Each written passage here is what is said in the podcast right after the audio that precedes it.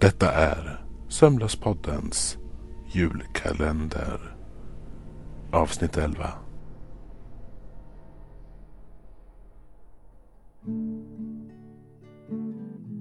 Katrin visste inte vad som hade hänt.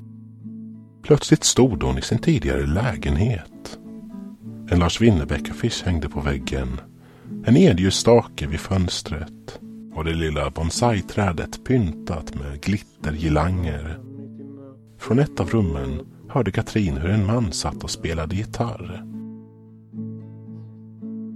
Jag skulle låta blicken möta andras ögon i en främmande stad. Hon visste exakt vem det var. Men hur kom hon hit? Drömde hon? Plötsligt såg hon sig själv komma in från dörren. Det var en väldigt märklig känsla. Det mörka håret var snötäckt. Hon hade på sig en tung mörk vinterjacka. Den Katrin hon tittade på såg inte ut att vara på särskilt bra humör. Hon sparkade av sig vinterkängorna och gick bestämt fram till rummet där musiken kom ifrån. Henriks hobbyrum. Hans mancave. Som han brukade kalla det. Men kan du sluta vara så melodramatisk? Helt ärligt. Om du lämnar mig nu. Jag sa att vi måste fundera på om vi verkligen är rätt för varann igår. Men jag älskar ju dig, sa Henrik. Tittade in i hennes ögon och sen tillbaka mot sin gitarr. Katrin visste exakt vad som skulle hända. Hon visste till och med vilken dag det var. Den 11 december 2015. En av de mörkaste dagarna i hennes liv. Vi är bara väldigt olika, sa Katrin. Och har du ens gjort någonting idag? Eller har du bara suttit här inne och spelat gitarr? Finns det någon mat? Um, nej, det finns ingen mat. Vi har ingenting i kylskåpet, sa Henrik försiktigt. Fan, Henrik, sa Katrin och smällde igen dörren till hans mancave. Där han förutom gitarren hade ett Playstation 4, en samling av vintage vinylskivor och ett dussintal använda kaffekoppar. När Katrin såg tillbaka på det i efterhand så kunde hon inte låta bli att tycka synd om Henrik. Han hade bara en vecka tidigare blivit avskedad från sitt arbete och var deprimerad. Själv arbetade hon som arkivarier i Linköping. Hon visste att den Katrin hon tittade på hade haft en fruktansvärd dag på jobbet. Att hon var trött på det här förhållandet. Hade allt att förlora och ingenting att vinna, kändes det som. Så därför började hon fantisera om det. Att avsluta en annan persons liv. I den stunden var hon så fruktansvärt trött på Henrik. Att han sa var ursäkter. Det var patetiskt. Han försökte fixa saker. Men det var bara halvdant. Som att sätta ett litet plåster på ett stort blödande sår. Hon öppnade kylskåpet. Där fanns enbart en 50 centiliter burk med folköl. Hon tittade i lådorna. Hade de kanske några torrvaror? Bara pasta och eh, råttgift. Från när de hade haft råttor i lägenheten i somras. Hon tog fram två glas. Hällde i kanske en halv deciliter råttgift i Henriks glas och hällde upp ölen. Hon tittade på glaset och kom ihåg sina egna funderingar vid den tiden. Skulle han märka av smaken? Skulle han spotta ut det? Skulle de direkt kunna avgöra att han dött av råttgift? Katrin ville ju inte hamna i fängelset för det här. Men hon var så fruktansvärt trött på honom. Sen hade ju Henrik världens finaste föräldrar. Som tagit emot henne med öppna armar. Från första stund. Hon kunde inte mörda deras son. Det kunde hon inte. Hon stod där utanför dörren till hans mancave. Redo att knacka på men gick sen tillbaka in till köket och hällde ut glaset med råttgift och kastade sen i soporna som att slänga iväg beviset för vad hon just tänkt sig att göra.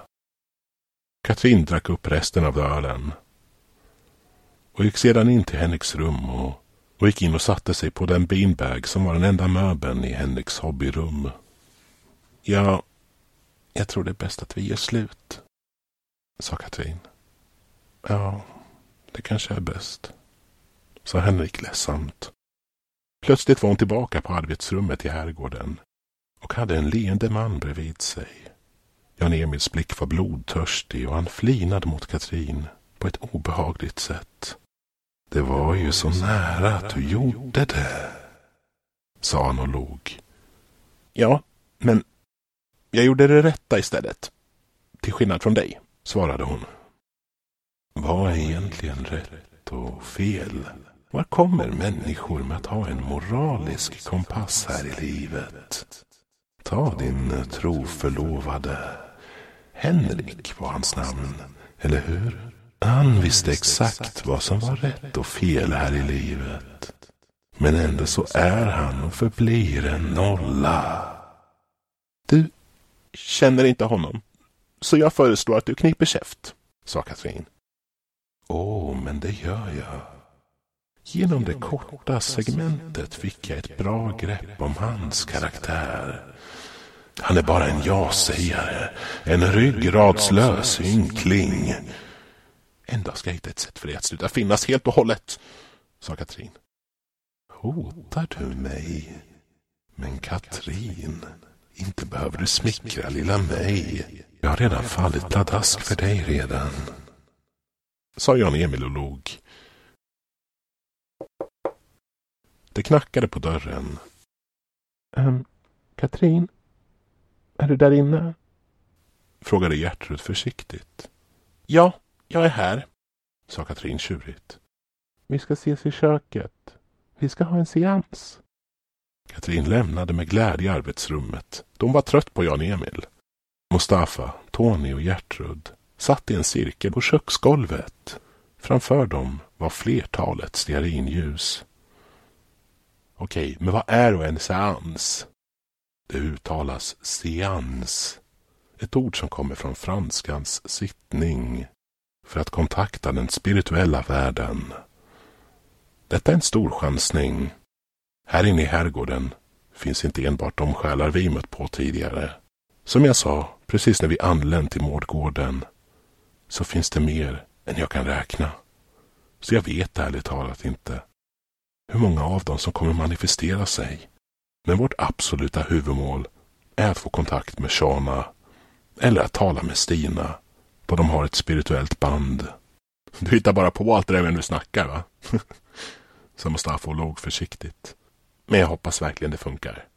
Jag vet inte om jag vill vara med på det här dumma påhittet, sa Katrin. Det här är för Shana. Vill du att vi ska hitta henne? Eller är du kanske rädd? sa Tony. Han hade sagt exakt vad som krävdes för att få med Katrin. Gertrud hade Frodo i sitt knä. Du, eh, du tror inte att de kommer försöka ta Frodo ifrån mig? sa Gertrud oroligt till Tony. Vid denna tidpunkt har jag inte en aning om vad som kommer hända. Det perfekta scenariot är att vi får direktkontakt med Shona. Och det värsta scenariot, sa Mustafa, att vi väcker någonting mörkare än vad vi stött på än så länge. Sa Tony och ryste. Men jag måste få veta, är alla villiga att ta den risken? Jag är med, sa Mustafa. Mm. Okej okay då, för Shana, sa Gertrud. Ja, jag har väl inget val, sa Katrin. Jag vill ha Shana tillbaks. Då vill jag att vi alla blundar. I mitten av denna cirkel så lägger jag nu bilden av Hailey, Shonas dotter. Nu vill jag att ni alla, i era tankar, försöker anropa Shona, sa Tony och stängde sina ögon.